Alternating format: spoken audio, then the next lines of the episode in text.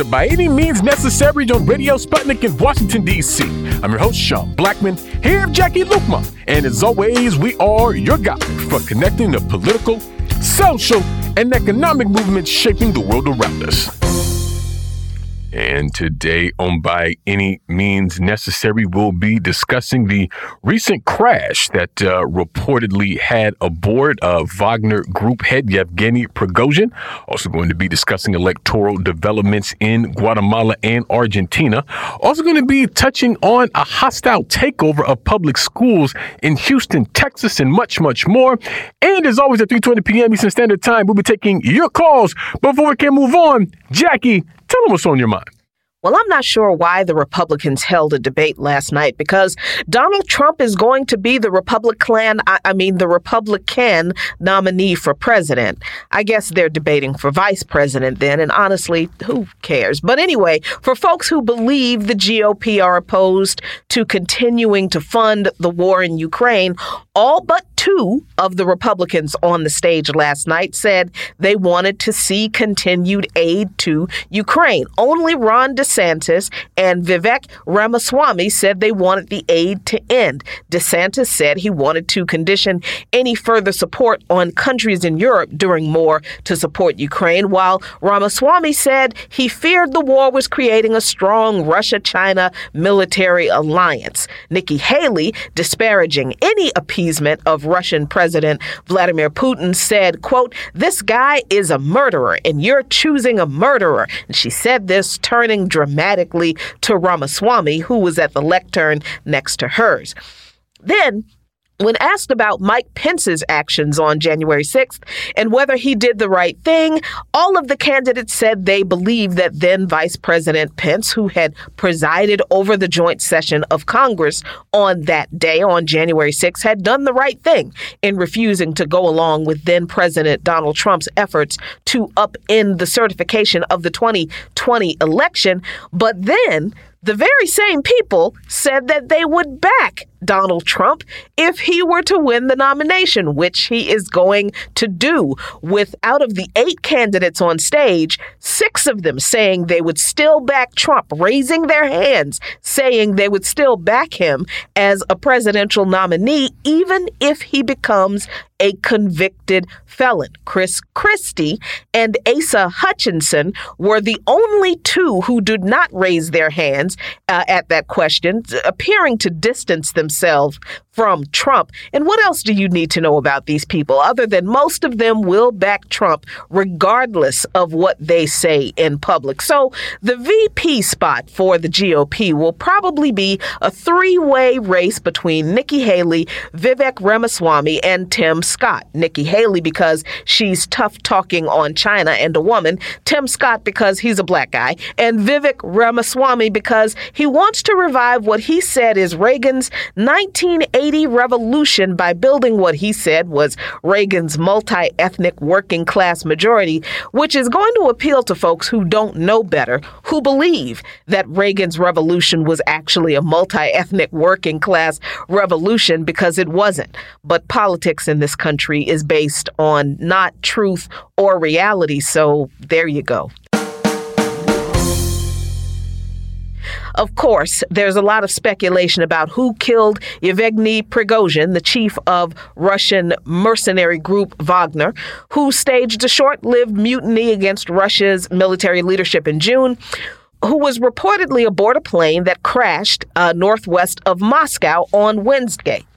Prigozhin and six other passengers were reported to have been on the plane and died from the crash, with identifications of those passengers pending an investigation of the charred remains. And of course, Western media is blaming Vladimir Putin for the crash, but I have my doubts about that. Not because of any love I have for Putin, but because I know that Prigozhin wasn't a popular guy. He had a lot of enemies, and honestly, Vladimir Putin is pretty busy making grain deals with African nations, making other deals with China, managing the war in Ukraine. He seems kind of busy with other stuff to be orchestrating the demise of Prigozhin, who he just a few months ago gave safe passage to to Belarus after that coup And I know people are thinking that Putin had it in for Prigozhin because of the coup, and I'm certainly not saying that he didn't. I certainly think he did. I'm just not so sure about the timing of Putin getting rid of Prigozhin. Seems like Vladimir wouldn't want any more scrutiny from anyone while he's navigating all this other sensitive geopolitical stuff going on. Being accused of murdering Prigozhin probably wouldn't serve his ability to negotiate these other deals well. Of course, this is all conjecture on my part. However, but wasn't Prigozhin supposed to be in Belarus right about now anyway? What was he even doing in Moscow? There are too many questions, too many possibilities, too many enemies of Prigozhin for me to definitively put his alleged demise at Putin's feet because this is a guy who was responsible for the deaths of 12 Russian troops on his march to Moscow. So very few in Russia are probably surprised or are probably sad at all that Prigozhin got got or are mourning his alleged getting, if that's what happened. And honestly, I bet we'll never know what really happened until Prigozhin shows up a few days from now somewhere else that he wasn't supposed to be. Oh, don't laugh. It's happened before. The BRICS grouping of Brazil, Russia, India, China, and South Africa will be adding six nations to its ranks next year as Beijing and Moscow push for the loose coalition of emerging economies to evolve into a robust counterweight to Western global dominance. Argentina, Egypt, Ethiopia, Iran, Saudi Arabia, and the United Arab Emirates will join BRICS as members in January. And this was announced on the last day of the BRICS summit in South Africa, announced by South African President Cyril Ramaphosa. The announcement marked the first expansion of BRICS since South Africa joined in 2010 at the invitation of China. Who's isolated from the rest of the world now?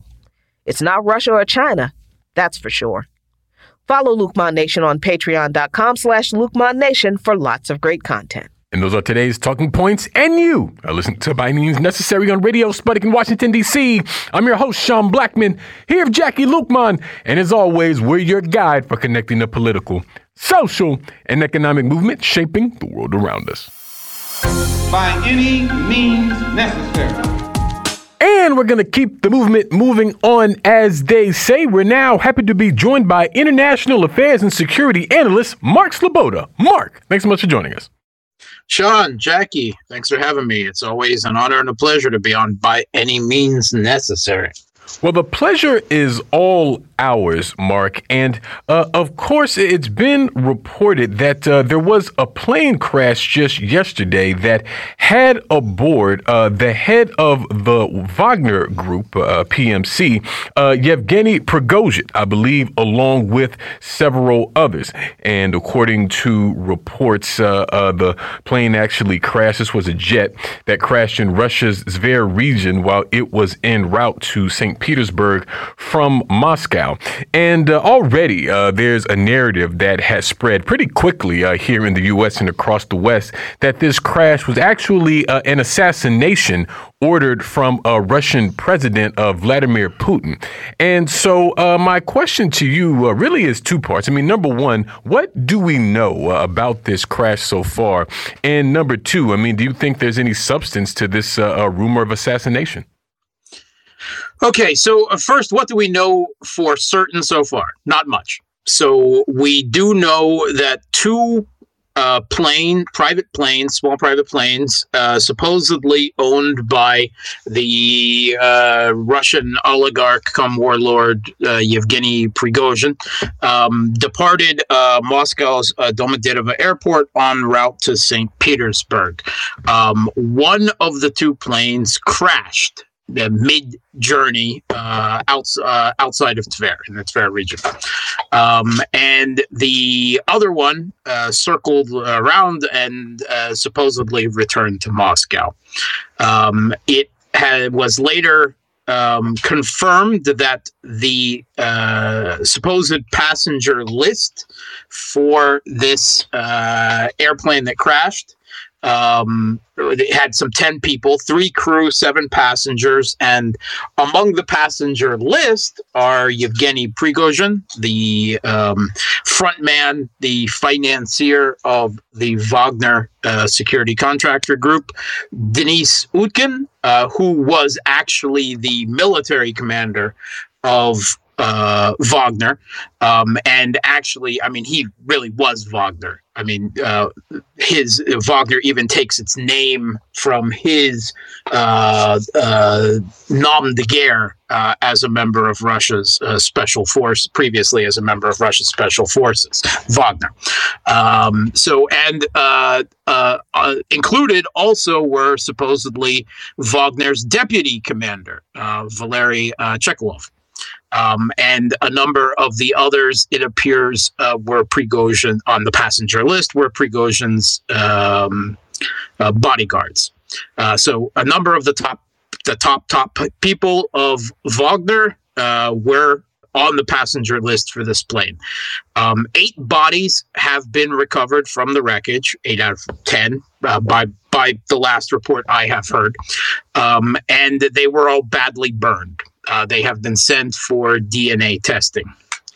Now, uh, while the most probable circumstance is that uh, Prigozhin, uh, Utkin, and the others were on board this plane, it is uh, not 100% certain. See, Yevgeny Prigozhin already died on an airplane crash in uh, three years ago, or well, several years ago in 2019 uh, in uh, on a plane that was shot down in the Democratic Republic of Congo. Uh, he was supposed to be on the plane. He was not, and he sh- miraculously showed up three days later, alive. Uh, and so some people are suggesting that uh, he may not have been on that plane somehow, um, and that he may either show up again or um, have faked his own death uh, and be living the life of luxury on some tropical island uh, into retirement, or that it was some psyop. Or uh, a lot of other people are suggesting uh, that he did die and that it was not an accident. Uh, it is possible, right, that it was an accident. I don't consider it very likely. It's I'm not a big f- fan of coincidence theory any more than I am of conspiracy theory, uh, but uh, it is possible. Let's let's presume that he was on the plane and it was not an accident. Then uh, you know, uh, a criminal investigation would need to be uh, undertaken. Um, who are the p- potential uh, suspects, right? Cui bono? Who, who, who benefits, right? So you need to start with a list of those people who did not have good cause to see Yevgeny or to want Yevgeny Prigozhin dead. And that's a very short list. The man had a lot of enemies uh, in his uh, 62 years. Um, uh, you know, certainly at the top of that list are the CIA uh, and the FSB, Russian intelligence and U.S. intelligence. Uh, both have good reasons uh, to want him dead uh, you know, Russia for uh, leading a, a mutiny um, in the country, uh, you know, nominally against the Secretary of Defense and the Minister of or the the Minister of Defense and the head of the Russian military. Although, of course, uh, you know, therefore against uh, the Russian government on some kind of bizarre uh, militarized protest march. Uh, but also he was, you know, enemy number one of uh, uh, of the United States in some counts. I mean, him, his group uh, have been sanctioned so many times over. Uh, it's hard to lose counts. Countries have been threatened, have been blackmailed not to do business, uh, not not to seek security contracts with Wagner. Uh, most notoriously, recently, Victoria Nuland going to warn the new uh, junta and transitional government in Niger: "Don't you dare talk to Wagner. Don't even look at them." Um, so, but also the the uh, Kiev regime uh, in Ukraine. Uh, it's very possible that the SBU would have done this. Today is Independence Day in Ukraine, and uh, with the failures of uh, thus far of the Kiev regime's counteroffensive to make any progress, uh, despite now almost three months, they need some kind of victory. And the, such type of very public assassinations, um, you know, have have been performed by the Kiev regime before and admitted by various officials at various levels. Uh, so uh, very certainly he was uh, seen as a top enemy for them, but also the British government, which is deeply involved there, and the French government. Uh, because uh, Wagner has been, uh, you know, the go-to that African countries in West Africa, throwing off the yoke of French neocolonialism, have then turned to uh, for security after they kicked the French out of their countries, uh, Mali, Burkina Faso, you know, only to name two. you know, there are several others there that Wagner has been involved in as well, and potentially Niger would have been one of them. Uh, so lots of enemies. There's also he had criminal uh, background, uh, so uh, it's possible uh, criminal enemies, business enemies. Man had a lot of enemies, um, and including forces in, in Africa, uh, you know, that Wagner had acted against on behalf of um, uh, African governments. So uh, there's a long potential list of suspects. I mean, like I said, you'd almost be better off making a short list of those who, who didn't want him dead. Uh, so uh, all of that is speculation at this point. Uh, we don't know for certain that he was on the plane 100%, and we don't know for certain what caused the crash yet, but an investigation is underway. And uh, in the meantime, I'm sure a uh, million conspiracy theories will bloom. Yeah, and the conspiracy theories are, are are entertaining, but the reality is, I think from from my perspective and from the perspective of a lot of folks who are looking at this whole situation from the geopolitics of the Ukraine war, the emergence of BRICS, the the engagements that Putin and the Russian government are making in the African uh, continent with several leaders and uh, with China that this idea that, you know, Putin did this, that he just finally got rid of Prigozhin because he'd had enough, doesn't really make sense geopolitically, but it's not something that can be ruled out. And and I, I don't know why it is such uh, a preoccupation, I think, to to focus on Putin now, other than it just kind of feeds the Putin is a murderous madman narrative that is obviously coming from the West Mark. So what's your perspective on that? Yeah, it is. It, it is not outside the realm of possibility. Um, the Russian government would be on my short list, along with the CIA and the Ukraine's SBU, for the possibilities.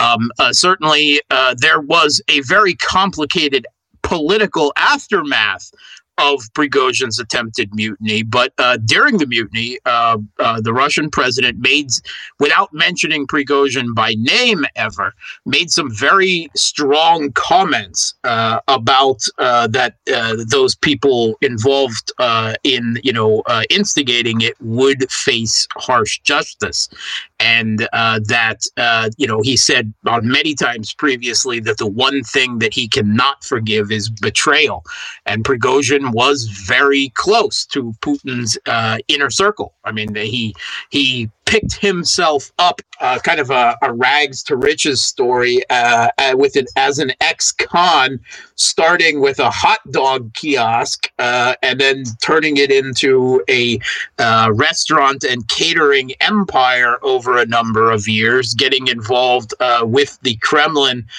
through catering of official events and then supplying food to the military, and eventually hooking up with Utkin and several others and and, forming this uh, security contractor. He also had a very diversified business holdings, including a media group he was a wealthy man. Um, so, um, and he he crossed a lot of people uh, in Russia, uh, with particularly with with this uh, mutiny attempt. Uh, the aftermath was very complicated. Supposedly, he was exiled uh, him and the leadership of, of, Wagner, and, and Wagner was not to legally operate in Russia. Uh, they were to set up camp in Belarus under the Belarusian president Alexander Lukashenko, who has built some bases for them there, or re, re, refurbished them at least. And um, Wagner has been, uh, you know, uh, to some level, training up uh, Belarusian military from what they learned in the conflict in Ukraine. Uh, but uh, Prigozhin was seen jetting around uh, all around the, the world. Uh, he was in Africa earlier this week. He has been all over Russia, Moscow, St. Petersburg, Rostov. He was at the Africa, the Russia African Summit uh, a couple of weeks ago. So no one is quite sure exactly what the post mutiny situation was between him and the Kremlin, uh, or, or personally between him and Putin. Uh, but I mean, it's you know a, a matter of uh, you know Western uh, media um, narratives that anyone who dies in Russia is Putin's fault. I mean, like someone gets a tummy ache, uh, Putin must have poisoned them. I mean, that's that, that's the story there. In this case, it's possible, but it is certainly not the only possible explanation. And he had been sanctioned and uh, you know pursued uh, by the U.S. government so many times. They are equally uh, on that short list, as is uh, you know the NATO proxy regime uh, in Kiev in Ukraine. so there, there's a lot of possibilities. One thing that people do look to is that the Russian general um, Surovikin, uh, General Armageddon, uh, who was uh, for several months in charge of the entire of the military operation, uh, special military operation, the Russian intervention in in Ukraine, uh, the whole defensive lines, which uh, NATO's proxy forces are beating themselves to death against right now, are known as the Surovikin line, because he, you know, designed and had them constructed. Um, he was known to be close to, or at least something of a like mind about the conflict with Prigozhin. Uh, Prigozhin appealed to him uh, on numerous occasions before um, with his complaints uh, about the Russian Ministry of Defense. In the aftermath of the mutiny, uh, Surovikin uh, disappeared from public view. Supposedly, he was not detained but was questioned. Uh, and in the last 24 hours, uh, we have heard uh, very credible reports that Surovikin has been removed from now been removed from his position uh, as the head of uh, Russian aerospace forces. So some people, uh, you know, uh, on the speculation end, have suggested that a clean sweep of uh, Prigozhin and people possibly close to him uh, has been made in one form or another here that's a possibility uh, that can't be discounted. It's it's being discussed, uh, you know, very avidly on Russian Telegram channels, but so are a thousand other things. And you know, there's a very real possibility that we may never know the truth, whether he uh, is alive or dead. And Prigozhin may very end up kind of a a, a cult uh, Elvis type figure popping up everywhere. Well, uh, I actually have a question sort of along uh, similar lines, uh, Mark, because I'm just wondering what is your estimation of uh, public sentiment in Russia uh, around Prigozhin, who's been around for a long time? But I mean, what what is his stature uh, from your estimation in terms of mass consciousness, if you will? Yeah, he became, of course, very popular during the whole um, uh, siege of, of, you know, the half year uh, siege of Bakhmut, where uh, essentially uh, Wagner, with uh, only limited support from uh, the Russian the military, laid siege to and eventually took, after half a year, Bakhmut in the Donetsk region of Ukraine, despite the Kiev regime throwing tens of thousands after tens of thousands thousands of reinforcements. Um, so um, he, he became a bit of a hero for that. But then, in the aftermath of this bizarre uh, mutiny march to Moscow and Putin declaring the people involved traitors to the country and so forth, his popularity crashed. Uh, so while he does have, say, a hardcore, uh, small minority support uh, who feel largely who feel that the Russian government has not pursued the conflict with the Kiev regime and NATO aggressively enough others, uh, you know, I, I think the majority sentiment has uh, come to view him as a as a traitorous and and even a corrupt figure to to some extent. So um, I don't think there will be any malice outcry about his death, uh, whatever it is determined he died from. But there will be a there will be a minority hardcore that will mourn him and that will tend to conspiracy explanations. Leads me to wonder what happens to uh, Wagner forces that are still in uh, places, not just in Ukraine, but countries in the continent where they have been invited uh, to to come and assist with kicking out the French and and fighting against terrorist factions in those African countries. What happens to Wagner forces that are dispersed uh, around the world? Do they become uh, absorbed into the Russian military? What what happens? Do you think? Yeah, that's a really good question. Um, and uh, you know, even in the aftermath of the mutiny, Russia uh, the Russian government made the offer that they would take anyone who wasn't involved in the leadership of of this um, attempted uh, mutiny or whatever it was uh, from Wagner uh, back into the Russian military, uh, or they could you know just go home, or they could go with exile into Vog with um, a Prigozhin quote unquote exile into Belarus. Um, certainly, some hundreds of them at least did. We don't have any numbers. Wagner also has very significant forces still deployed in Africa, in Syria, in other parts of the world. Um, we don't know yet. Assuming uh, Prigozhin doesn't magically uh, show up, um, there are still a number of the top cadre of Wagner alive, some number of them, and they did often make decisions kind of like a military council. We have not heard from them any definitive statements in the aftermath of the plane crash. I think they're they're investigating or waiting for official news. Uh, you know, a lot like everyone else, um, but. Uh, you know, a lot will be determined by you know what comes out of them in the next couple days, what they announce, what they say.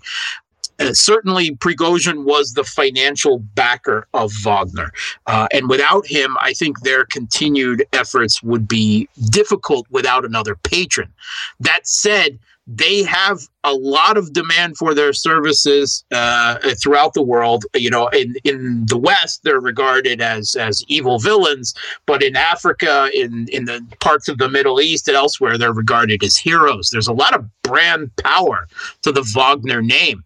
Um, and they do have significant forces uh, on the books uh, and uh, you know uh, institutional apparatus as well. So uh, someone else could potentially come in as a, a financial backer and patron, uh, and and resurrect or reincarnate Wagner, whether in Belarus, in Russia, or or somewhere else. Um, I don't think that we've seen the end of Wagner in some form or another. I think they're too valuable uh, to leave just uh, wither into nothing. Some part of them probably will be um, brought back into the, the Russian military forces, but I think that there will also exist exist a Wagner or post Wagner uh, security contract company of some form or another as well. Definitely. Well, we thank you so much, Mark, for joining us today. We're going to leave it there and move to a break here on By Any Means Necessary on Radio Sputnik in Washington, D.C. We'll be right back, so please stay with us. By any means necessary.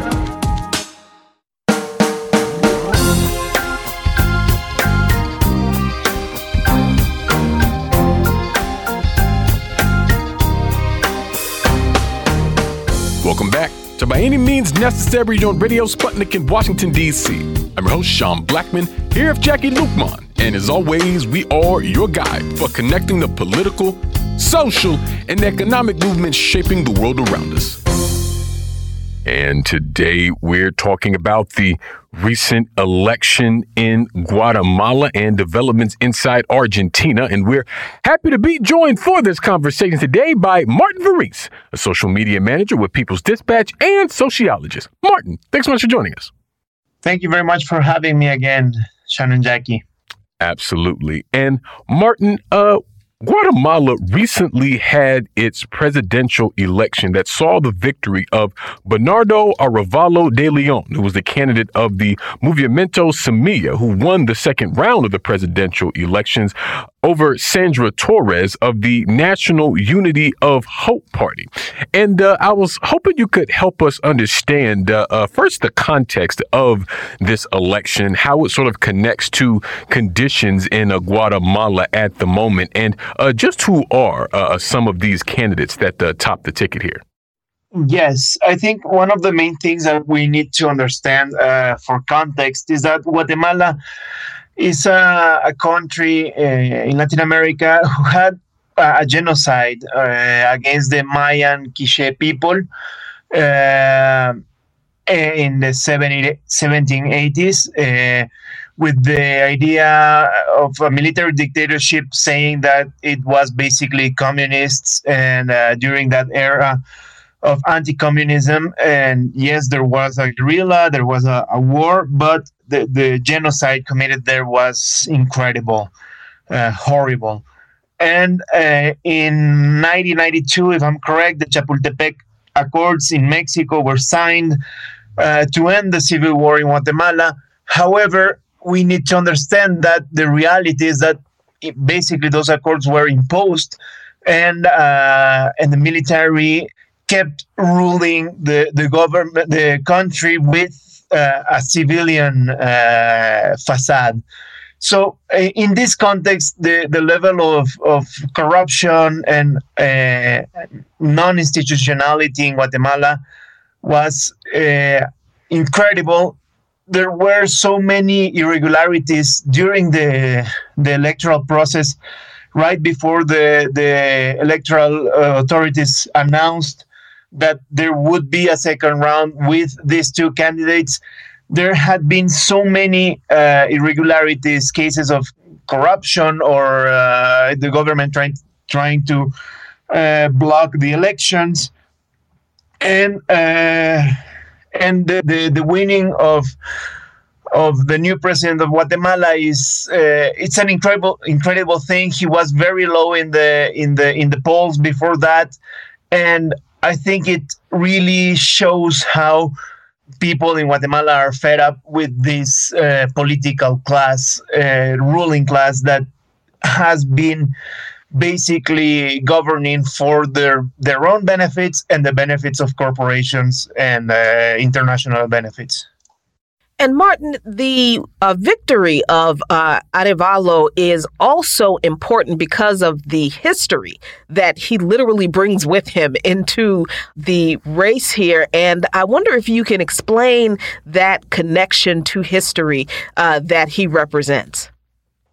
Yes, uh, Bernardo Arevalo, uh, he's uh, a, a, social democrat, progressive person and uh, I, I, think the, the biggest uh, possibility that he has, I think, and the, the biggest uh, change that he could make would be if he joins and uh, and uh, makes consultations and, and unity with the Mayan and the indigenous peoples of Guatemala, trying to bring them up into a new kind of country uh, in, in, in we have some examples of that in Latin America, of course, with very big differences, with, with very big specificalities of each country. But the, the Ecuadorian process of the citizen revolution, even though Correa wasn't an indigenous person, he did try to bring back the sumak kawsay, the good living, and this ideology of indigenous people towards the, the, the center of power. Uh, the same case of uh, Bolivia with Evo Morales before the coup. Of course, Evo Morales was an indigenous person. In Bolivia, there is a very big difference of amount of uh, indigenous people. But I think that uh, Bernardo Arevalo can make that change, can make that uh, that possibility true and it's his biggest weapon, if I, if I, if I can say so, because he will have to fight and uh, reestablish a state that is uh, embedded in corruption and in in ways of being that it's basically to benefit the upper classes and the elites in, in, in the country. And what he can do is get the support of the people and uh, keep mobilizing people keep working on that towards uh, a, a different kind of government yeah, and uh, switching gears to another election that recently took place uh, in Latin America, speaking specifically of Argentina. Um, the uh, Liberty Advances uh, presidential ticket has maintained its uh, uh lead. Uh, speaking of uh, Javier Milei and Victoria Villarruel, um, who are polled ahead of the Together for Change coalition.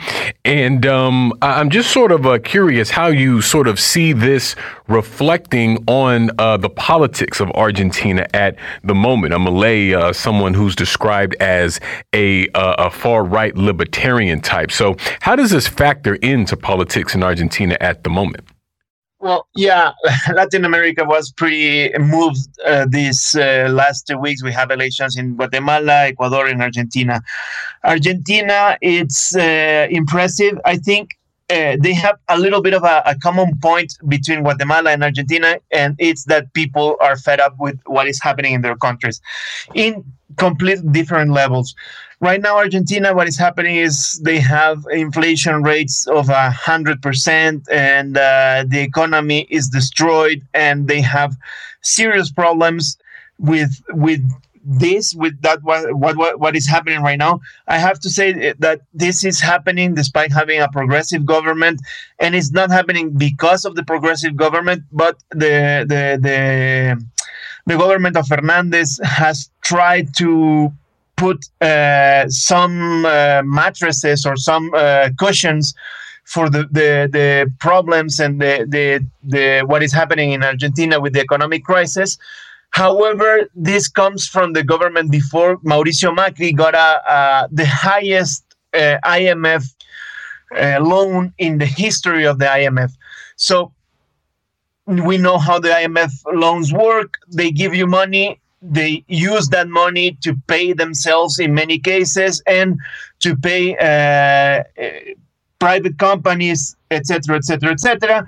And they put on you a series of blockades and political blockades on how you can spend their money that they're giving you and your money that you are raising from taxes and all that. So, in this context, uh, Milei comes as a, a person who says, I don't want the, the, the political caste to keep running the country. We need, I, I didn't came to, to, um, move ships, but to train lions. And they he gives this whole speech of the grandeur of the Argentinians. And he's a libertarian. He's an extreme right wing person. Uh, he's uh, vice president presidential candidates, the daughter of militaries, who says that there were no uh, torture or any kind of crimes from the military, but that any left-wing person was were terrorists. Uh, they say that they can open the the weapons market as is in the U.S. Uh, he wants to to um, open an organ market for people to sell their kidneys, their livers, and stuff like that. So it's a kind of thing that you would say this is uh, fiction. It's the reality, and it comes at a moment where uh, things are very bad in Argentina, and people mainly young people are looking at him uh, as a as a good thing. One little, one more little thing. Uh, he proposes the dollarization of the economy, um, saying that uh, putting as an example Ecuador, where uh, he says that Ecuadorians are very well and that things became uh, amazing because of the dollar this is not true. This uh, it's literally not true. I do live in Ecuador, and uh, the dollarization didn't save people. They it made people lose all of their savings, lose uh, everything in the 2000s, And yes, now we have the dollar as economy, but we don't have the liberty of having our own money, our own coin, and our own currency. So uh, it's all a lot of fantasy in his head, but people are believing in him, and he was the most voted candidate, which is scaresome. Yeah, definitely. And you know, uh, on that note, how, I'm curious from a regional standpoint how you see both of these, re- uh, excuse me, recent elections sort of reflecting on uh, Latin America and uh, some of the developments we see uh, uh happening there lately. I mean, of course, we've had uh, uh, these two elections. there's the ongoing issues in Ecuador that that you mentioned a little earlier. And how do you see this sort of reflecting on conditions inside Latin America and how these elections sort of factor into it? Yeah, I think uh, uh, elections in Latin America have become a little bit cyclical. Cyclical. Uh, we have uh, more progressive governments coming to power, and then more uh, less progressive governments or more right-wing governments coming to power. And uh, it seems that this duality of politics has become the, the, the main idea. I do think that there is an international importance to all of this, which is uh, more progressive governments are usually towards the unity of Latin America, the creation of uh, spaces such as UNASUR, Mercosur, uh, which are uh, spaces of debate and of uh, cooperation between um, the governments of the, of the South. Whereas the right wing governments such as Macri, Jair Bolsonaro, and so many others in Latin America um, are more towards the the the support of the U.S. in in uh, for our countries, and they see the U.S. and Europe as the only possible allies that we have, and that we need to sell uh, them our primary uh, resources and our workforce, which creates what we have seen as neocolonialism. And of course, I do think that the it's the interest of the U.S. to have these right-wing governments that destroy uh, labor laws, that destroy uh, education, that destroy uh, social programs in our countries, because it gives the U.S. and Europe uh, two things mainly. Uh, first, oil and mining and all the primary resources needed for the developed uh, world uh, first, and secondly, it gives uh, cheap labor uh, uh for for their enterprises and corporations. Um, I'm making a, a, summary very small and, and everything, but I do think that that's the, the main reasons why we do have these shifts in Latin America. Arevalo will come towards a more uh, unified Latin America, definitely. Milei will try to destroy that. Will try to destroy the the idea of having a common uh, uh, currency between Argentina and Brazil, which are it's being developed right now with with Lula and Fernandez, uh, or the entry of Argentina to the BRICS. Uh, Milei would destroy that, I think. So it would be a, a president if he wins, which I really hope he doesn't, but if he would be a president that would try to strengthen the the position of the U.S. and Europe as the unipolar world. Definitely. Well, we thank you so much, Martin, for joining us today. We're going to leave it there and move to a break here on By Any Means Necessary on Radio Sputnik in Washington, D.C. We'll be right back, so please stay with us. By any means necessary.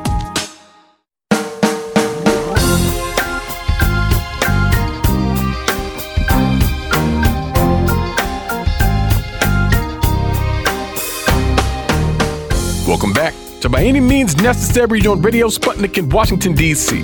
I'm your host, Sean Blackmon, here with Jacquie Luqman. And as always, we are your guide for connecting the political, social, and economic movements shaping the world around us. And today we're talking about some serious developments as it concerns education in Houston, Texas. And we're happy to be joined for this conversation today by Brianna Griffith, journalist with Liberation News. Brianna, thanks so much for joining us. Thank you so much for having me. Absolutely. And Brianna, uh, the state of Texas is reportedly planning to replace the libraries in Houston with uh, what are being described as discipline centers. And this is following uh, the takeover of the Houston Independent School District. And you recently published a piece about this for Liberation News uh, entitled Texas is Replacing Houston School Libraries with Discipline Centers, but the community is fighting back. So help us understand what is going on with this uh, whole discipline centers issue and help us understand this a takeover of uh, the Houston Independent School District? Yeah, so this takeover has been many years in the making. It has been um, on the agenda of the Texas Education Association, but more specifically, it's been on the agenda of, of Greg Abbott and sort of state level uh, Texas leadership uh, to try and take over the Houston Independent School District, one of the largest in the country. And, you know, of course, as long with, uh, as with so many other trends, um, in education. The real, I think, end goal here is to gut education, to move that money toward um, privatization, charter schools, et cetera, um, that are not accountable to the community. But kind of in the more specific, what what basically happened with this is that after kind of years and years of kind of chomping at the bit to find an excuse to finally come in and take over tech, uh, the Houston schools, um, the TEA this uh, past summer um, found that a single school out of the entire Houston school district, I think eight, eighth largest in the country, a single school registered a failing grade just enough years in a row um, in order to that, that kind of triggered the, te- the Texas Education Association to be able to come in and say, we now have control over this school district. In doing so, the first thing they did, they immediately removed the superintendent. They immediately removed the elected school board um, and replaced the elected school board with a completely unelected, unaccountable board. Um, insultingly, one of the board members who they replaced, they actually took an elected uh, board member and actually replaced um, her with a right wing candidate who she had defeated in the pre- in the previous uh, election earlier this year, um, or I think possibly last year. But anyway, yeah, they're literally just replacing the, these kind of elected board members with the defeated right wing candidates um, in many cases that you know that they had defeated. And so basically, since then, Mike Miles, who's been the new uh, t- uh, superintendent, um, has come in and, and sort of imposed this austerity measures, these discipline measures. You know, more more police surveillance, less extracurricular, less recess. You know, the the kind of like school to prison pipeline. It's all right there, sort of within this plan. Um, this is the the one that's gotten the most headlines. This is the one that's also uh, kind of inspired the most fight back as well as this um, attempt to uh, close, I think, 28 of the um, of the libraries, the public school libraries, close down the libraries, fire the librarians, and turn them into what are called discipline centers, or sometimes, you know, euphemistically called "quote unquote" team centers.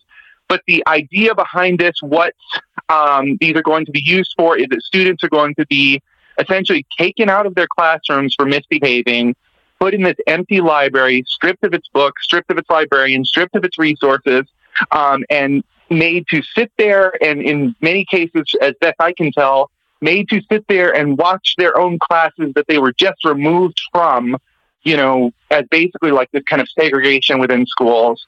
So a lot going on there, a lot seriously wrong with this plan, but that's the that's the kind of large overview. And surprise, surprise, uh, what is the demographic makeup of the students and the communities these schools are in? This 25 schools that this uh, plan uh, uh, focuses on, Brianna. Yeah, I think it should go without saying, but of course, the schools being targeted almost overwhelmingly uh, Black and Latino, almost overwhelming. I mean, overwhelmingly working class. Either working class schools are being targeted these are schools in black and brown neighborhoods being targeted. I don't have the statistics behind these neighborhoods, but you know, it should be clear that like, you know, the, the rich kind of rich, predominantly white schools are not the ones that are uh, being hit with this for sure. And, you know, Brianna, instead of uh, increasing the resources for quote unquote underperforming schools and struggling students, what this plan seeks to do is to not just separate supposedly uh, misbehaving students. I mean, I, I, would assume that the uh, criteria for what misbehavior students have to exhibit is pretty doggone low for this plan to be enacted. But this plan also means eliminating jobs uh, of people, of librarians, and, and literally take cutting off kids' access to books and learning materials.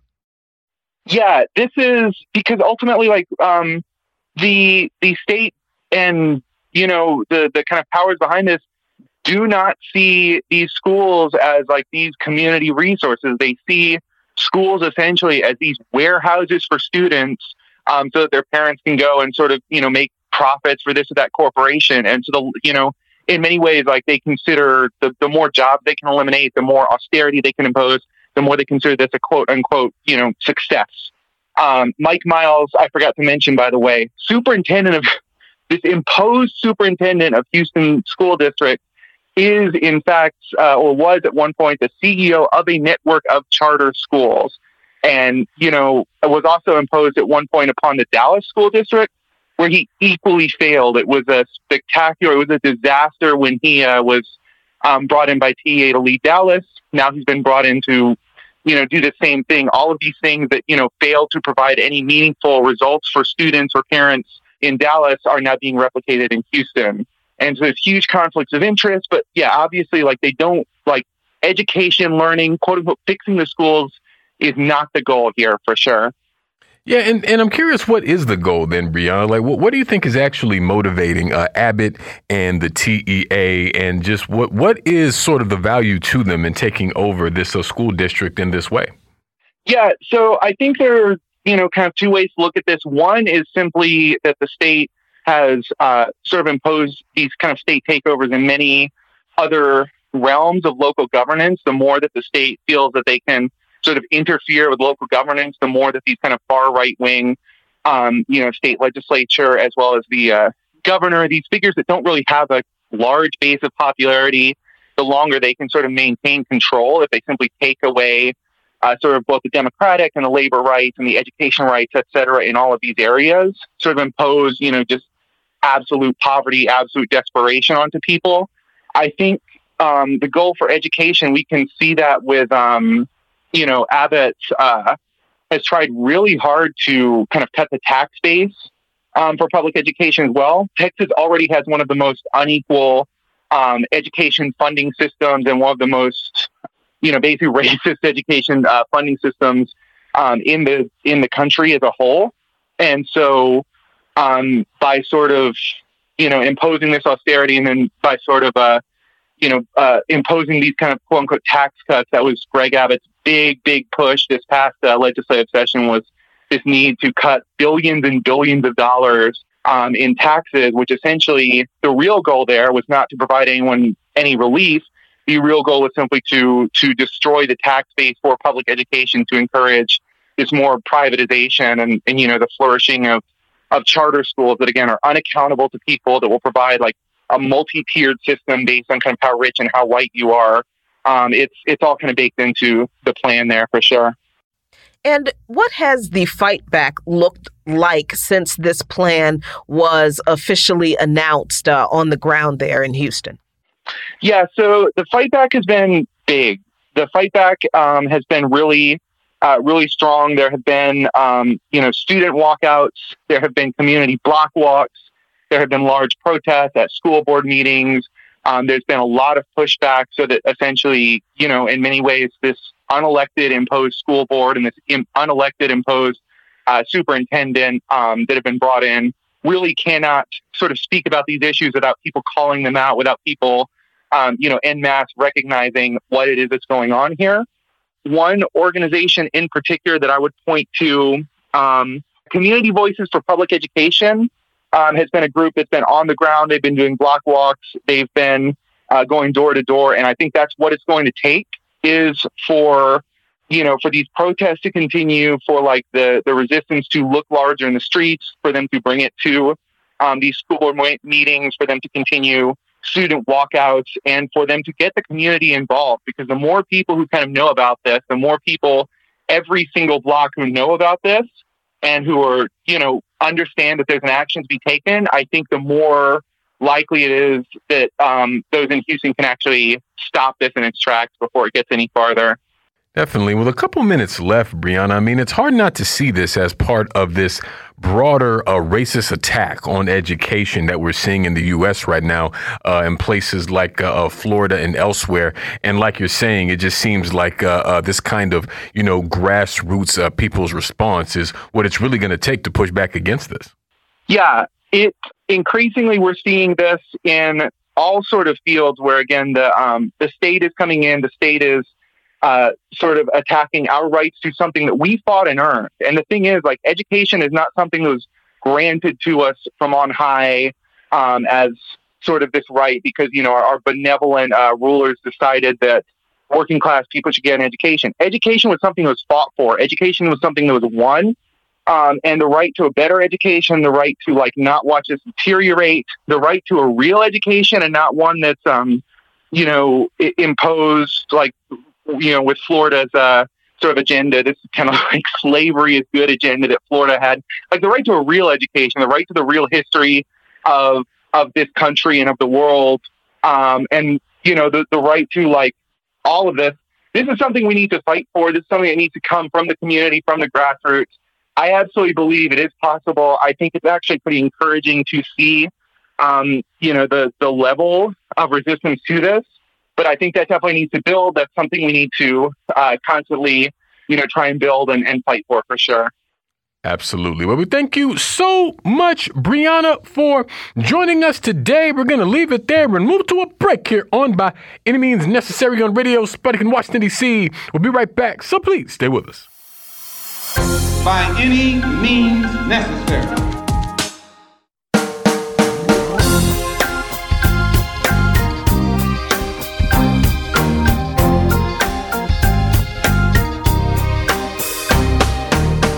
Welcome back to By Any Means Necessary on Radio Sputnik in Washington, D.C. I'm your host, Sean Blackmon, here with Jacquie Luqman. And as always, we are your guide for connecting the political, social, and economic movements shaping the world around us. Oh, yes, we're here. We're back, top of the hour. It is Thursday, August 24th, 2023. And of course, in 20 minutes, you'll be able to give us a call, live by any means necessary, to give us your thoughts, ideas, questions, or concerns about anything you've heard on the show today, anything at all relevant happening on this earth. We want to hear from you. That's not the only way that folks can get in touch with us here on the show. If you would, please, Jacquie, let the folks know how they can holler at us. That's right, Sean. There are so many ways for our allies, accomplices, and comrades, that's y'all, to reach out and touch us here at By Any Means Necessary in Washington, D.C. You can do that at 3.20 p.m. Eastern Time by calling us at 202-521-1320. That's 202-521-1320. But you can also listen to our show live on your radio dial at 105.5 FM and 1390 AM in the Washington, D.C. area from 2 to 4 p.m. Eastern Time each weekday. And shout out to our friends over in Kansas City, Missouri, listening to us right now on 102.9 FM, 104.7 FM, and 1140 AM. But did you know you can also listen to our shows at SputnikNews.com slash radio? Scroll on down the page and click on By Any Means Necessary. And we are streaming for your viewing pleasure on Rumble right now at rumble.com slash C slash BAM Necessary. The chat is live. And remember, friends, at 3.20 p.m. Eastern, today you can call us at 202-521-1320. That's 202-521-1320. But wherever you are in this world and however you do it, we want to hear from you. We most certainly do. We most certainly do when we're very happy to be joined for the hour today by Dr. Radhika Desai, a professor at the University of Manitoba, director of the Geopolitical Economy Research Group, and author of Capitalism, Coronavirus, and War, a Geopolitical Economy. Dr. Desai, thanks so much for joining us. Thanks very much, Sean and Jacquie. Absolutely. And Dr. Desai, today is the uh, concluding day of the BRICS Summit, which uh, has already had some interesting developments with uh, six countries invited to join the group, namely uh, Saudi Arabia, United Arab Emirates, Iran, Egypt, Ethiopia, and Argentina. And I feel like there's a lot to get into uh, about BRICS, so both as a body and, and what could be the relevance both of it and this summit to uh, some geopolitical issues. But before we get too deep into that, I'm just sort of curious your top line thoughts on uh, uh, the BRICS summit, uh, the things that were discussed, and how you're sort of uh, considering it all. Well, I think that it's uh, looking back, like when we look back on this BRICS summit, from, uh, say, a decade or two down the road, uh, I think it's very likely that we will look upon it as a historic summit uh, for a number of reasons. You know, last year when the BRICS summit was held, it was still sort of, um, you know, uh, uh, uh, people still thought the war in Ukraine would end very quickly. You know, things would, not, you know, we were we were not we had still not appreciated the how bad things could get uh, in terms of the war in Ukraine, in terms of the ratcheting up of tensions with China, and, and a whole range of other things, uh, uh, uh developments in Africa, and so on and so forth. So, in this context, the BRICS have taken a step to expand their membership. They, as you, you said at the at the top, there they have admitted six new members and uh, they have also charged their respective uh, people. The uh, leaders have charged their respective members, uh, the, the members of the administration, to sit down and work out the principles on which new members will be admitted. And as you may well know, some 22 countries had already applied to get in. And interest in joining the BRICS is even greater than that. Depending on what you are reading, some 30 or 40 countries actually want to join the BRICS, even though they may not have made a formal application. So they have taken that step. Uh, and secondly, I would say that uh, they have also uh, I think in the current context, underline the need for an inclusive, developmental, and peaceful world order, representative world order. So, in all of these ways, uh, rather than uh, you know, like in the run up to this uh, meeting, a lot of the Western commentary was once again poo pooing the BRICS and essentially saying, you know, uh, too, they are too different, too many of them are too beholden to the West. What are they going to do? But despite such commentary, uh, and in the face, or you know, like like essentially, this commentary has been shown up to be false because they have continued along the same path which represents a critique of and often is frontally a critique of the international system and the institutions of the international system that have been created by the West and until now dominated by the West, and which the West has refused to change despite many nicely worded pleas from these very same countries. And that's why these countries are now off, you know, to the races. They are going to try and create the institutions that serve them best. And so you are looking at a massification of the forces that are against the imperialist Western order. And Dr. Desai, I, I think a lot is being made of the United Arab Emirates and Saudi Arabia uh, apparently being admitted into the BRICS formation in January. And, and I think you know, obviously a lot is being made of that because the UAE and Saudi Arabia are, you know, traditionally, at least in the past several decades, a strong allies of the United States.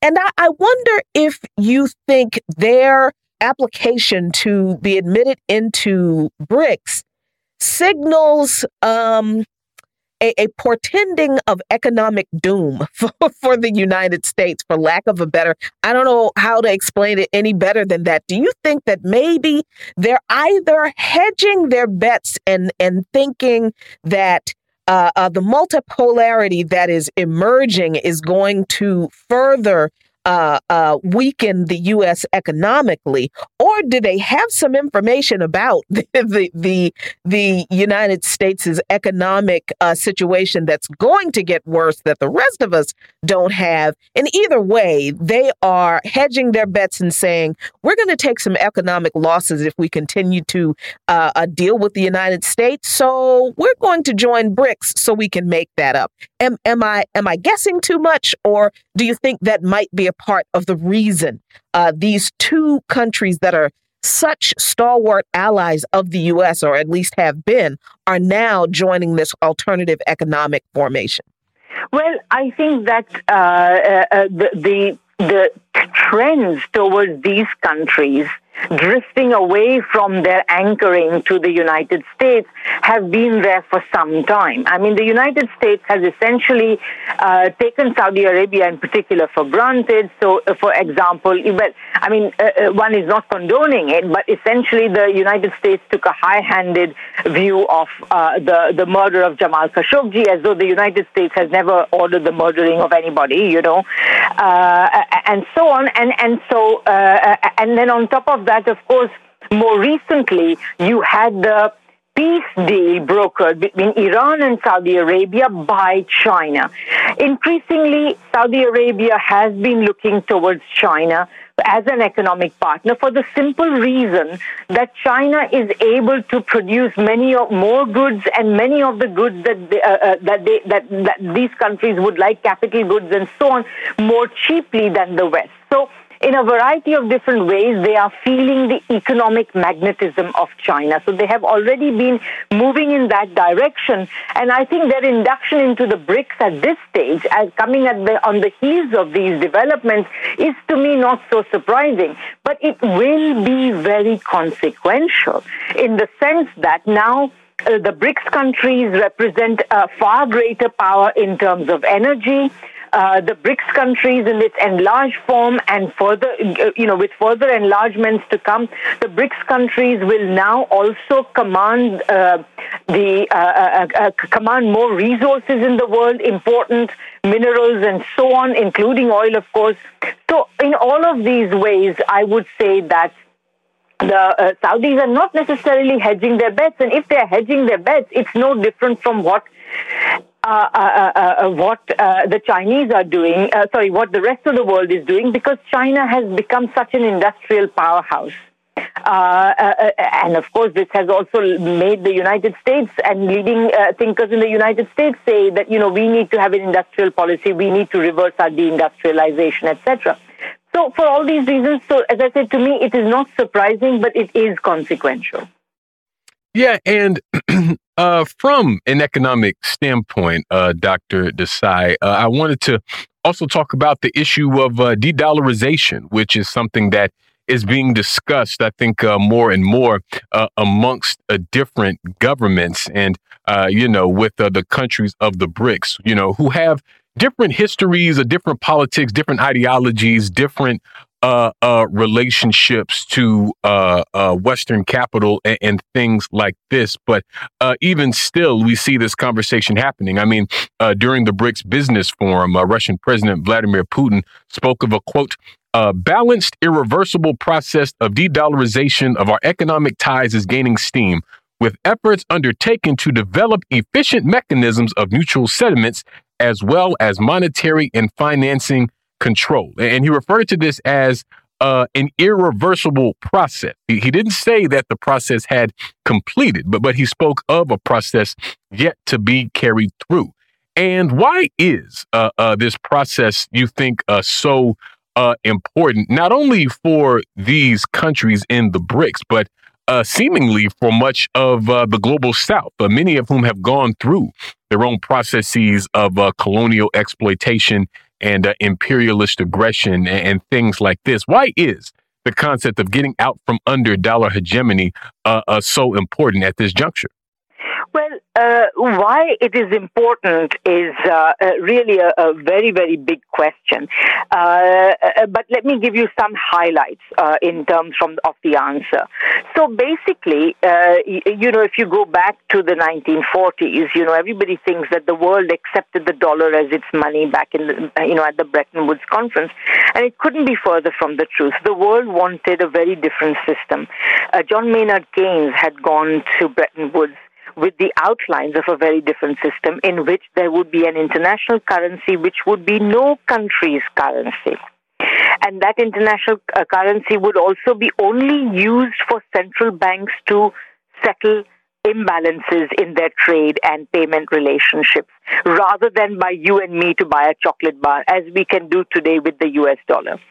Uh, and the implications are profound because that though that arrangement would have allowed every country, if it so cho- chose, to pursue its own development as fully as possible in full command of its uh, monetary policy, its fiscal policy, its uh, industrial policy, its employment policy, everything. So if you had a government that was willing and able to put this through, the international system would not constitute a barrier to pursuing essentially very progressive economic policies.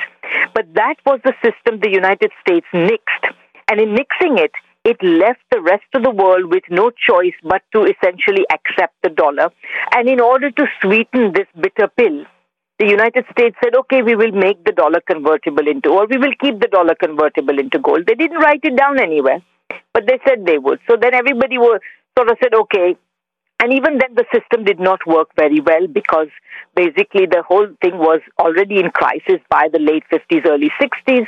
And then there were a whole number of attempts made to try to shore it up. And when it could no longer work, Nixon broke the link with gold. And then there was another big crisis of, uh, and, and, and anyway, it's a, it's a long story. But after that, essentially, the dollar system has required extremely dangerous and volatile expansions of purely financial activity to keep it going, to keep the dollar acceptable, to keep the market for dollar and dollar denominated assets liquid. That is to say, when I want to sell my dollars or sell dollar denominated assets, I will find buyers.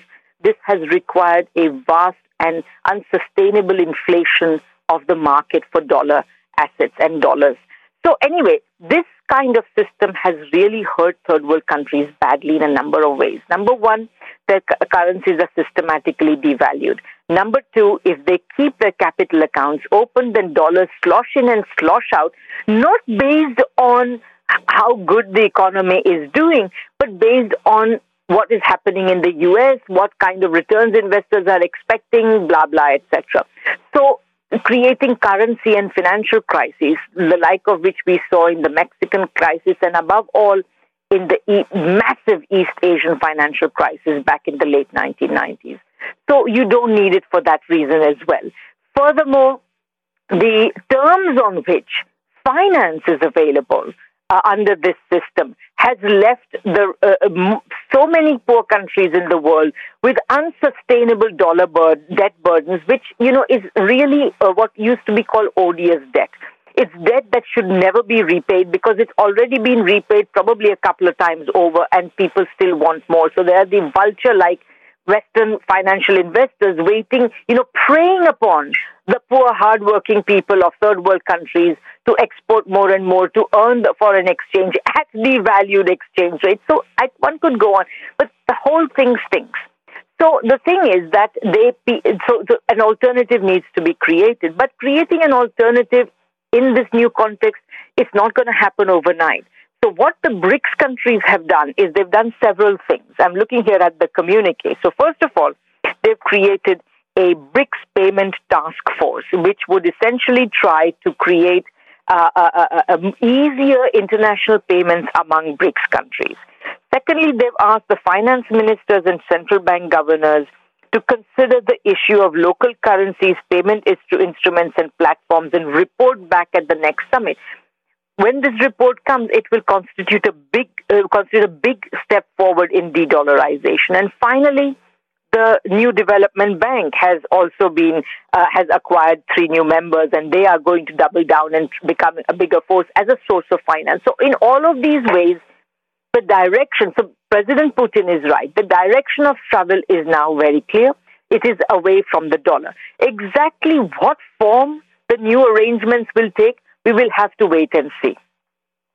Yeah, and there is a, a, great uh, report from the Tricontinental, uh, the 23rd newsletter that explains that, you know, the BRICS have changed the balance of forces, but they will not by themselves change change the world. And as I think as we're all watching the expansion of uh, BRICS and being very hopeful for what it could mean for developing and poorer countries, I mean, it is true that this this formation uh, by itself is not going to change the world. So, what else is it going to take along with this BRICS formation to to make the kind of change that uh, developing nations need to see, and and working class and poor people in capitalist nations, uh, quite honestly, need to see just as badly, Dr. Desai finger on it right there, Jacquie. So I actually, uh, sorry, but I haven't seen this particular report. But if if if there's anything uh, amiss, you know, come back come back to me. But basically, I would say that if you make a statement like that, which is plausible, that you know this is a very important development, but it's not going to change the world. I would say number one, in certain ways, it has already changed the world, right? In the sense that they exist. They are expanding. The BRICS countries exist. They are expanding. They are more dynamic than the uh, G7 countries, which is the kind of the opposite camp here, uh, and they are uh, uh, uh going to uh, admit new members. So, in that sense, they are already beginning to change the world. But yes, if the BRICS today, on purchasing power parity terms, parity terms, constitute some 31% of the world economy, and the G7 constitute only some 30%, fine. But it's still you know, uh, and then there are others who constitute the rest of the 40% fine. So the BRICS countries cannot do it on their own. But uh, uh, uh, uh, and and and so so so so let's let's put it this way. I would say that in coming years, if they manage to figure out how to admit new members, and this is uh, hopefully this will happen.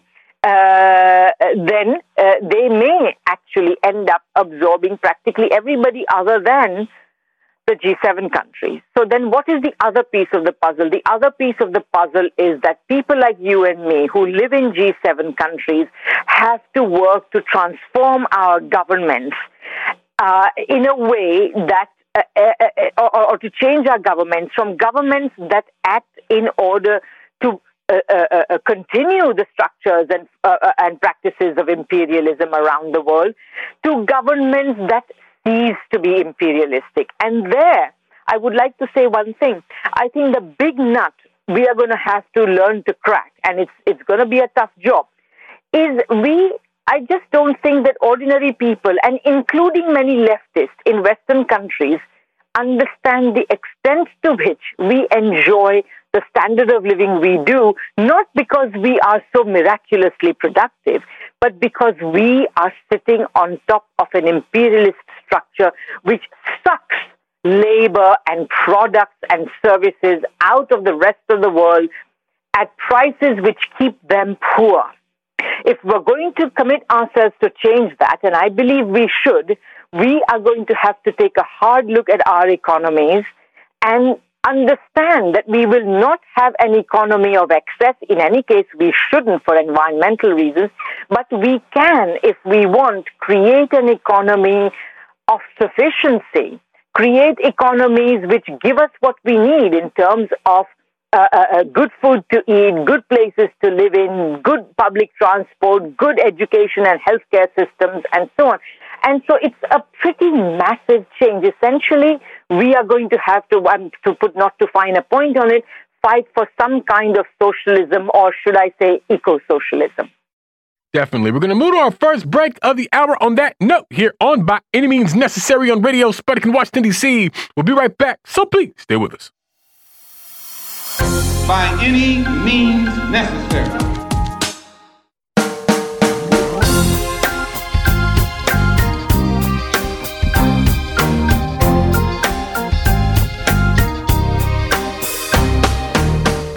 Welcome back to By any means necessary on Radio Sputnik in Washington, D.C.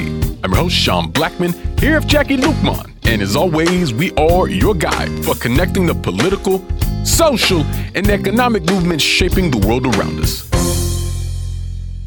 Phone lines are now open 202 521 1320. That's 202 521 1320. Myself and Jacquie Luqman continue to be joined by Dr. Radhika Desai. And we have a caller on the line here, Sanchez. Tell us what's on your mind. Well, first of all, a good day to everyone listening. Uh, Jacquie, uh, I share the economic heebie-jeebies that you seem to be feeling right now, and I hopefully will be seeing a specialist about that. But it is true what Dr. Desai was just saying about the U.S. dollar. We have to look at this in more realistic terms. The U.S. dollar, since uh, post World War II, has been weaponized. It's being weaponized against so many countries in the world right now. And one of the things that all of these uh, leaders have been saying is that BRICS is one symbol of this change, and the, including the discussion of this new currency. They did bring up the fact about 37% of the global GDP and 48% of the world population, but in, in, in particular, the African continent needs to get out of dealing with all of their uh, Western uh, uh, partners because that's the only way of being uh, getting out of Western control because they're not with a stable currency. So they need a stable currency, and that's what they're looking for to to BRICS uh, to to to uh, put together. But anyway, the final point here is that the U.S. hegemony begins to melt through this current de-dollarization. I'm saying, and I've been saying for a long time, beware the crash because as this U.S. petrodollar loses value, and then the U.S. dollar is dropped as the global reserve currency massive, massive hyperinflation in this country will ensue. And this BRICS formation of this alternate uh, multipolar world is going to seem like affecting the U.S. economy radically without firing a gun or dropping a bomb. So, how do you feel about this, Doctor? Well, thank you so much for calling, Sanchez. Hope to hear from you again soon. Uh, Dr. Desai, your thoughts? Yeah, well, first of all, I'd like to say that the caller is absolutely right that, uh, or a number of different points, but let me just take one, uh, take them in no particular order. Um, if the dollar crashes, uh, which, I mean, you know, it's not going to crash tomorrow necessarily. I mean, one cannot predict these things, but it, it you know, there are now a lot of instabilities in the system. Uh, U.S. Uh, assets, for example, dollar-denominated assets are massively overpriced, so we can expect their their value to go down. Uh, also, the rest of the world is increasingly opting out of it, so the market for U.S. assets are increasingly uh, uh, uh, focused on U.S. holders of these assets anyway. But nevertheless, should the uh, do- should the dollar system's foundation shake, then one of the consequences will be inflation. And there, um, it's very important to remember that the West will, the U.S. in particular, will suffer from this inflation disproportionately, precisely because of the extent to which it has undermined its own. The United States has undermined its own productive system. Uh, over the last many decades, the decades of neoliberalism, uh, through outsourcing and what have you. And th- this, uh, uh, uh, uh, this undermining will have to be reversed. and, and, and, and that's kind of what I was saying earlier, which is that people in the United States will have to focus their minds on how they are going to rebuild the economy in a, in a situation where you may very well have to produce uh, at uh, uh, at wages which are higher than what you are paying third world workers already, and which should probably be higher still. So you're going to have to think of higher levels of productivity as well. And how do you create that? So you're going to have to do all of these things uh, uh, uh, in order to avoid inflation. That's the first point. Second point is that yes, the the the, the U.S. dollar system uh, will, you know, if, if that crashes, then what will the United States, uh, uh you know, uh, uh, want to do? The United States will have to find, essentially join various currency arrangements that involve using other currencies. So that's uh, that's going to be uh, the case as well. But I'll just say one final thing, which is, of course, that the big danger here is that, of course, the moment US dollar hegemony begins to totter, you, you, we may all very well expect a stepping up of uh, uh, uh attempts on the part of US governments, depends on, of course, what the government is in power, but on the part of governments like the one you have in power right now, to use the military and, and use various kinds of military adventures to try to shore up the position of the dollar system and the position of the US in the imperial hierarchy and so on. So, if such a thing were to happen, it would also be very dangerous for the rest of the world and for the United States. And Dr. Desai, what the uh, caller said about uh, Africa needing to uh, continue to struggle to extricate itself from the power of uh, dollar hegemony, do you think that the conflicts in the Sahel right now, the the the the uh, military transitional government in Niger, uh, the coups in Mali, Burkina Faso, uh, other countries, and the the standoff now between ECOWAS, which is supposed to be an economic formation of Afro West African nations, uh, between the West African nations that have very publicly and and definitively said publicly France, get out. Oh, and by the way, US too, um, get out of our countries. Do you think that is that is what they are trying to do? Um, even though you know, I, I try to be careful not to impose my hopeful socialistic, uh, revolutionary, you know, Thomas Sankara. Uh, Kwame Nkrumah um, kind of uh, Amilcar Cabral kind of hopes on these leaders that they will continue to push toward those revolutionary leaders' uh, uh, ideologies in their countries. Do you think that's this is like the first step in African nations doing just that? Well, uh, uh, definitely that's what uh, these coups represent. That's what attempts on the part of even other countries which may not be undergoing coups but are showing, for example, interest in joining uh, BRICS and so on. What all of this shows is that Africa needs to move away from Western domination. There is absolutely no doubt about that. And the ordinary people of Africa, for instance, in Niger or in other places like Burkina Faso and so on, where they support these new uh, uh, uh, military dictatorships. And it may sound ironic, but people forget that there, there have been other instances of military dictatorships being very popular when they throw out unpopular governments that have been doing the bidding either of a small elite within the country or, of course, of an imperialist power. So definitely this is going in the right direction, but I'd just like to say that this is not at all the first step. The first steps were taken with the winning of independence. That's first. And, you know, a lot of people like to say that, oh, this independence was only independence on paper. But the fact of the matter was these independence movements had leaders like, exactly like Kwame Nkrumah, who understood that, okay, we have one political independence, but we have to now work hard to achieve economic independence. Remember, it was Nkrumah who coined the term neocolonialism.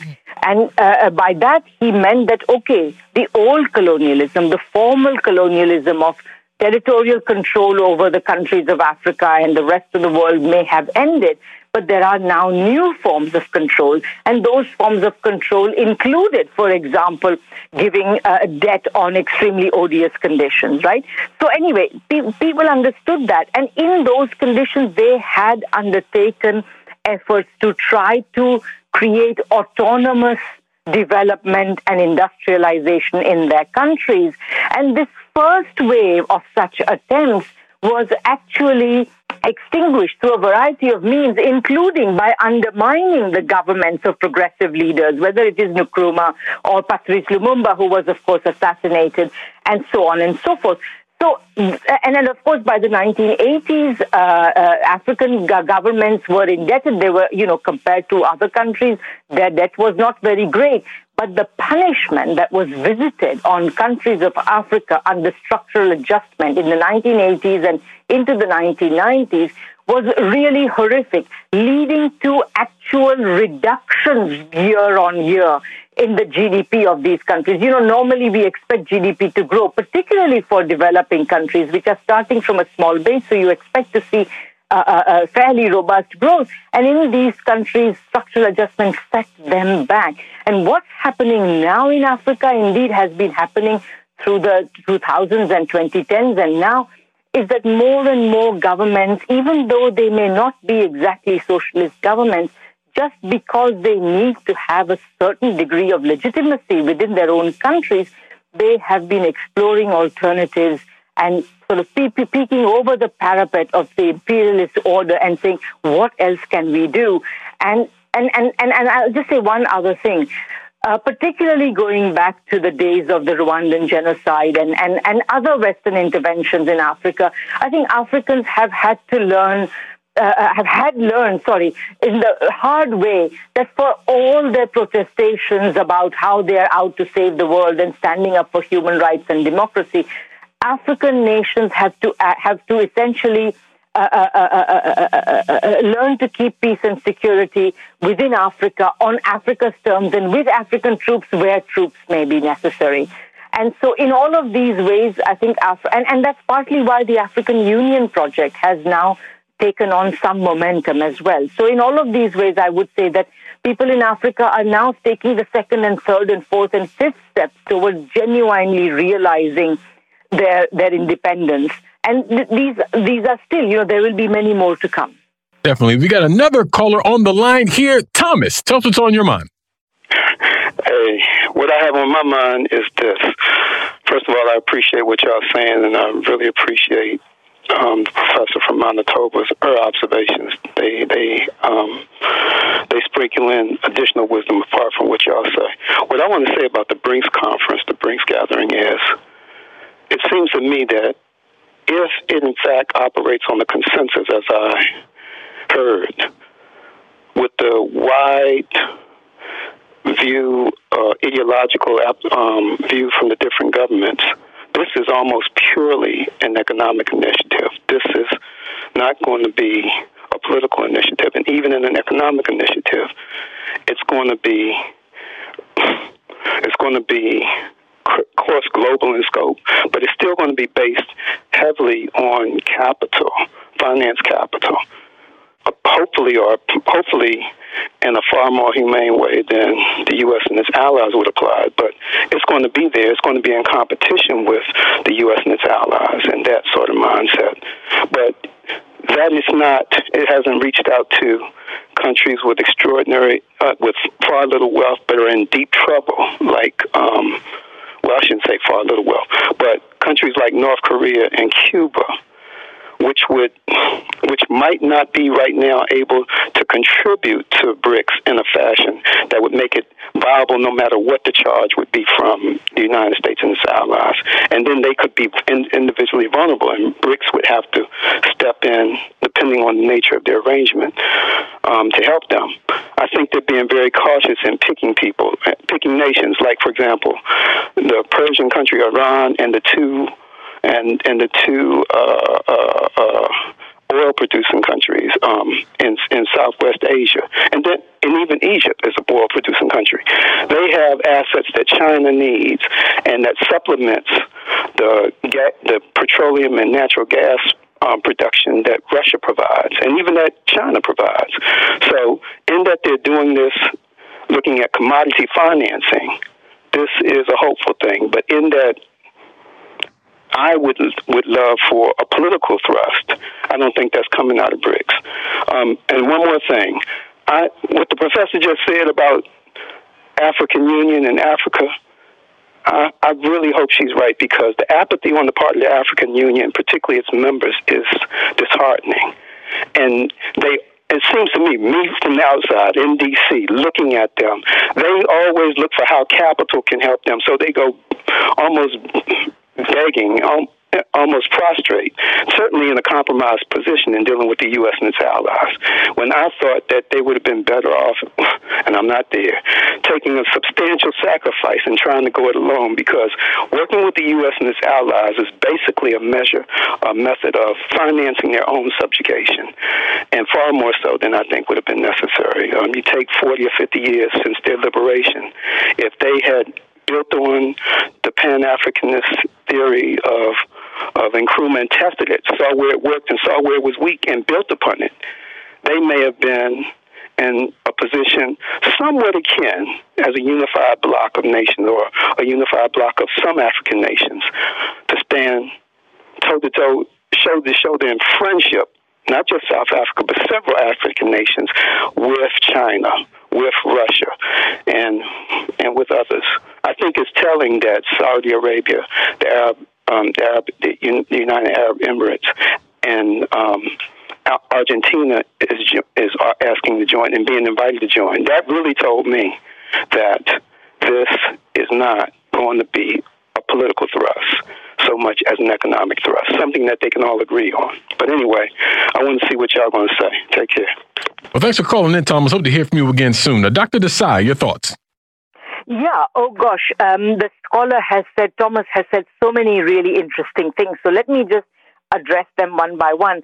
Uh, but do remind me if I forget anything important. So the first thing is, you know, uh, uh, he pointed out that um, uh, the BRICS are operating on consensus, and he feels that they are focused on economic issues, and he wishes rather that they were focused on political issues. And on that, what I'd like to say is that I think, you know, I mean, uh, first of all, that's not strictly speaking true because, you know, when uh, one of the things that happened at the BRICS uh, summit just now is that there was a plan, this time uh, uh, uh, proposed by China and South Africa, for peace in Ukraine. This is not just economic, this is political.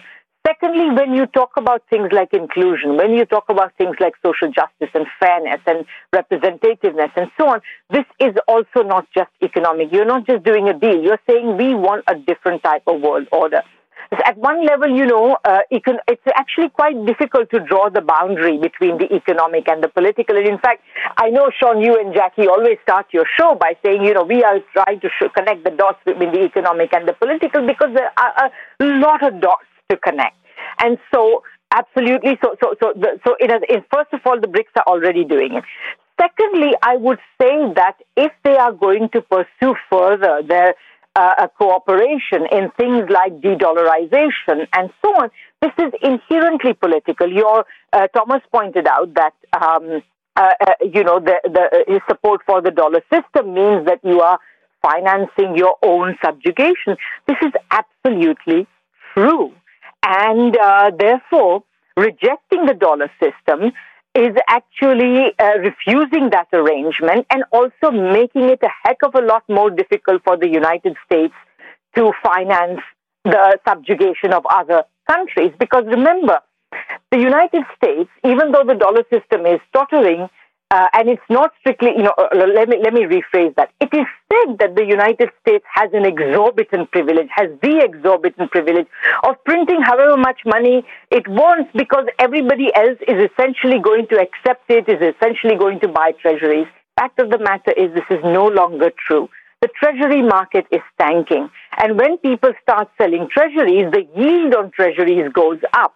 So the amount of money the United States government is going to have to pay in order to borrow goes up. So the, the idea that the United States can borrow with ease is already no longer true. You already saw that reflected in the fact that, you know, during the uh, 2020s and 2021, uh, this thing called modern monetary theory briefly became the sort of flavor of the month or for a few months and so on, uh, particularly in the run up to the 2020 election. But then it died away. And when Joe Biden actually enacted his spending plans, they were first of all not very, not as big as people had hoped they would be. And secondly, they had to contain substantial amounts of increased taxation because it is simply not true the United States can just print whatever money it likes. So when BRICS countries start operating, to start acting in order to remove the sort of pull the carpet out from under the uh, uh, dollar system. And I think the best way they can do that, by the way, is to implement capital controls. I'd like to see them do that, but I don't know whether they will. Uh, so that that's uh, uh, uh, so that, that's about the political and the economic. The second thing is that you know um, Thomas said that you know he's a bit concerned about the fact that since it's only economic and it will be under the domination of financial capital, you know how far it, will it go? But what I see in the BRICS communique is already a vision of a different type of finance. You know, there are two very different opposed models of finance. One model of finance is one in which finance is essentially speculative, unproductive, skimming off the incomes made elsewhere, including workers' wages and so on. Uh, and then there is another type of finance, which you can see, for example, today, today uh, in, in China, where uh, the financial sector is regulated in such a way that it is essentially compelled to invest, uh, make productive investments, and it is actually prohibited from making speculative investment. The United States even uh, also had such uh, elements of such a financial order, but with the repeal of Glass-Steagall, which came in 1999, bulk of this was no longer now there. So there are two very different models of finance, and in the BRICS communique, I already see that they are definitely not going to go towards you know, this unproductive, speculative, predatory form of finance and go more towards a form of finance whose function is to service production, of course, service sustainable production. Definitely going to move to another quick break on that note here on By Any Means Necessary on Radio Sputnik in Washington, D.C. We'll be right back, so please stay with us. By any means necessary.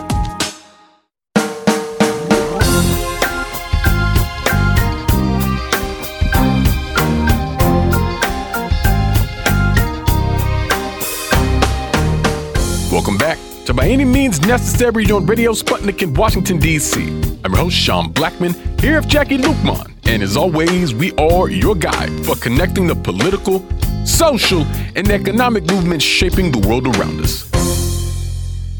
My dear friends, phone lines are still open 202 521 1320. That's 2 025211320. I am here. Jacquie Luke Luqman is here. Dr. Radhika Desai is here. And uh, Doctor, a moment ago, we were just talking about the uh, political character of the BRICS and this most uh, uh, recent BRICS summit.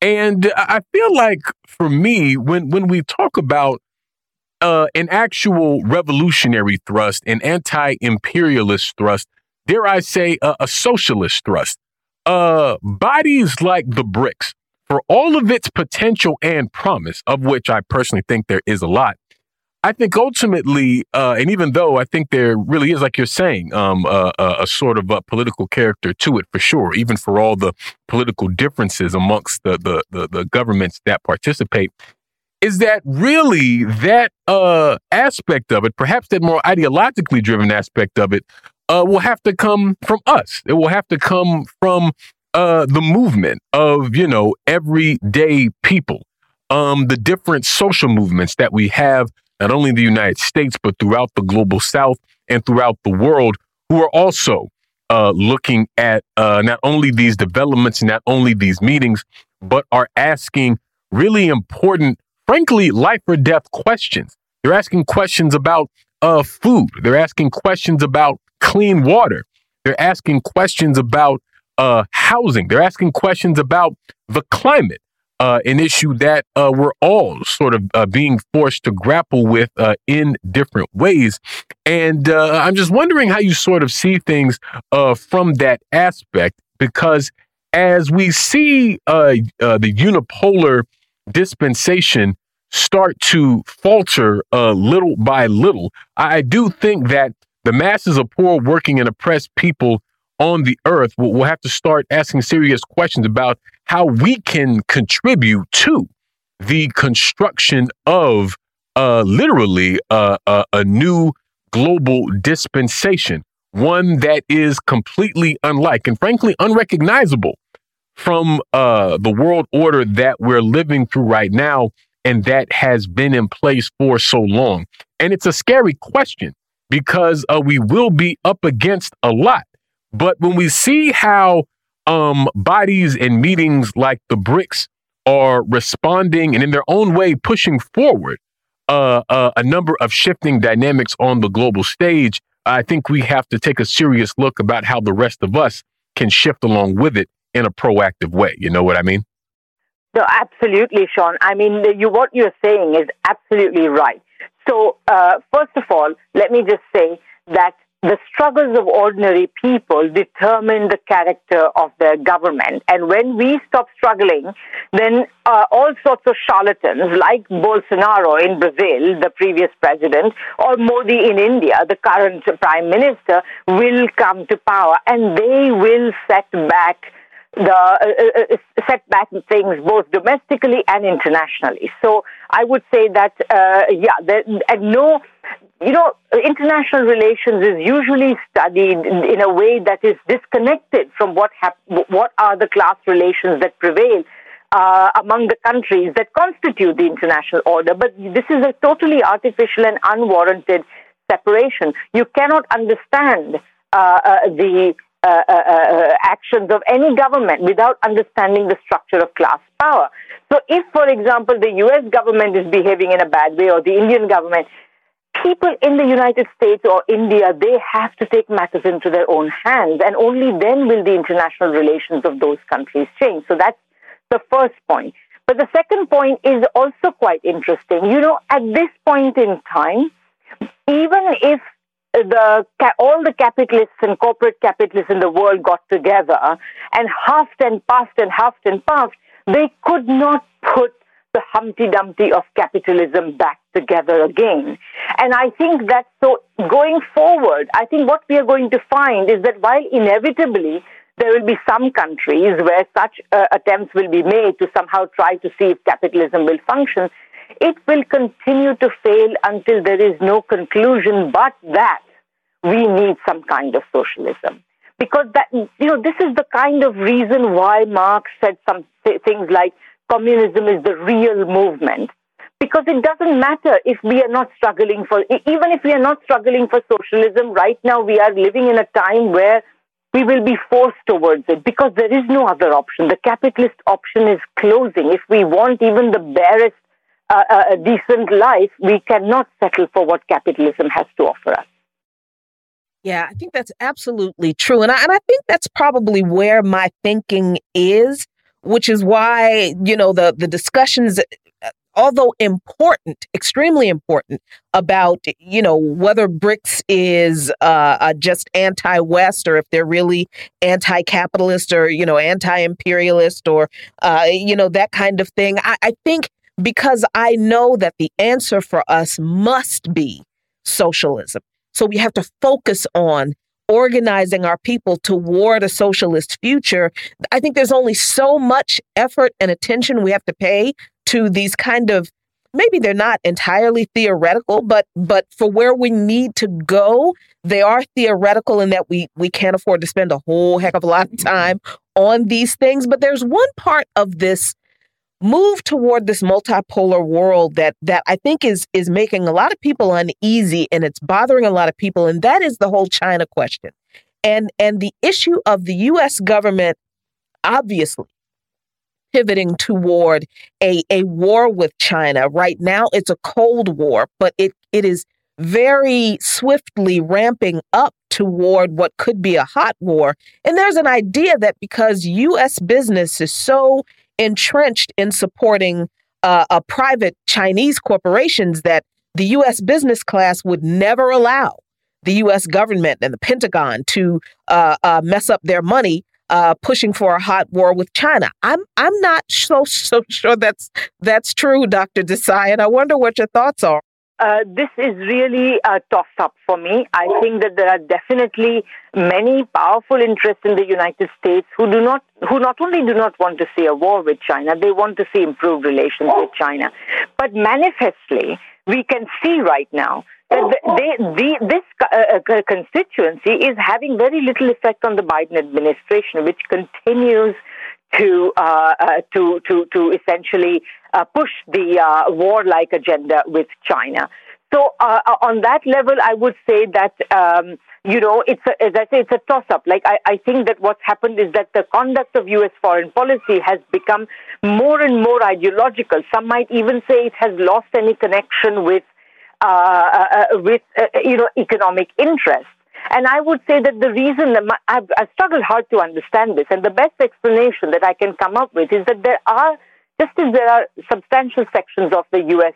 Uh, uh, capitalist class up and down the scale, uh, who are interested in good relations with China. There are also substantial sections of the capitalist class, perhaps a minority, but still powerful, who have interest in having in, in confronting China, particularly those, for example, parts of the military industrial complex who have everything to gain from war, those parts of the information and communications technology industry that are, um, uh, uh, uh that are threatened by China's uh, technological advance, and other industries that rely on um, intellectual property rights, which are again uh, feel threatened by China, etc., etc. So in all of these ways, and these guys are funding the think tanks and and and and and, and other ideological uh, uh, uh, uh, uh centers who are fueling the war agenda. Yeah, yeah. This fueling of the war agenda, I think, is an important uh, piece of this, Jacquie. And I think Dr. Desai was uh, uh, correct in what she was saying earlier, and, and it resonates with what we often say on the show: is that sort of the more unstable that U.S. imperialism is, uh, it's more likely the more warlike it will become, even more so than now, uh, which is a frightening prospect uh, to to say the very least. And so, what's interesting to sort of consider uh, the moment that we're in on a number of levels, uh, especially geopolitically. Uh, I was watching an interview with uh, uh, Mikaela Nhondo Erskog from the Tricontinental on the uh, socialist program with Brian Becker, and she was saying that you know she feels that we're in sort of a, a, a interregnum moment where you know the old order has not really died and the new has not really been born. And there's a lot that can happen, I feel like, in a period like this. I, I don't think that the path is sort of, uh, or the future, I should say. I don't believe that the future is sort of set in stone at this moment. And uh, I think that's why it's so important that this whole movement aspect of things uh, uh, gets our energy and our attention because there's a lot of things that we can't necessarily control. But one thing that we can control is how we're organizing, how we're thinking, how we're studying, how we're fighting in the here and now, and also how we're connecting uh, not only to social movements uh, within the borders of our countries, but also to movements of struggling people all around the world, uh, sort of building the vehicle that's going to be necessary to bring about that new dispensation that that we talk so often about when the moment comes uh, for that to happen. And, you know, it's understandable that there could be a hesitance towards that uh, because there is an uncertainty of just how things will play out, what the uh, uh, outcome will be, and whether or not we will win. But uh, what I will say is that if we choose not to fight, then defeat is certain. So, really, it seems that we only stand to gain by uh, choosing to boldly uh, basically seize the time, seize the moment that we're in, understanding the opportunities that it presents, and uh, uh, build the movement that is uh, necessary with that understanding. Because when we talk about these institutions of capital, these institutions of uh, neo-colonial and imperial power that have caused so much suffering for so long, we're talking about elements that are highly, highly, highly organized and highly class consciousness. And we will have to reflect that if we really want things to change. You know what I mean? Yeah, absolutely true. And I think a, a, a part of the the the reason that we in in these organizing circles and and folks within our proximity get stuck on uh you know what what things really are is because we don't pay enough attention to the reality that we want for this country that already exists in other countries in Cuba and Venezuela. Uh, they're holding on to a revolution that we want in this country. And, and we don't pay enough attention to them. And we also don't pay enough attention to how this empire has destroyed those revolutions that were created by the Sankaras and the Cabrals and the Nkrumahs uh, on the continent. So these, what we want, what we are aspiring to exists. We just have to continue to struggle to make it happen here. That's a fact. We're going to leave it there for today here on By Any Means Necessary on Radio Sputnik in Washington, D.C. One thing Dr. Radhika Desai so much for joining us today. We'll be back tomorrow with an all new episode. So, as always, we'll see you next time. Peace. By any means necessary.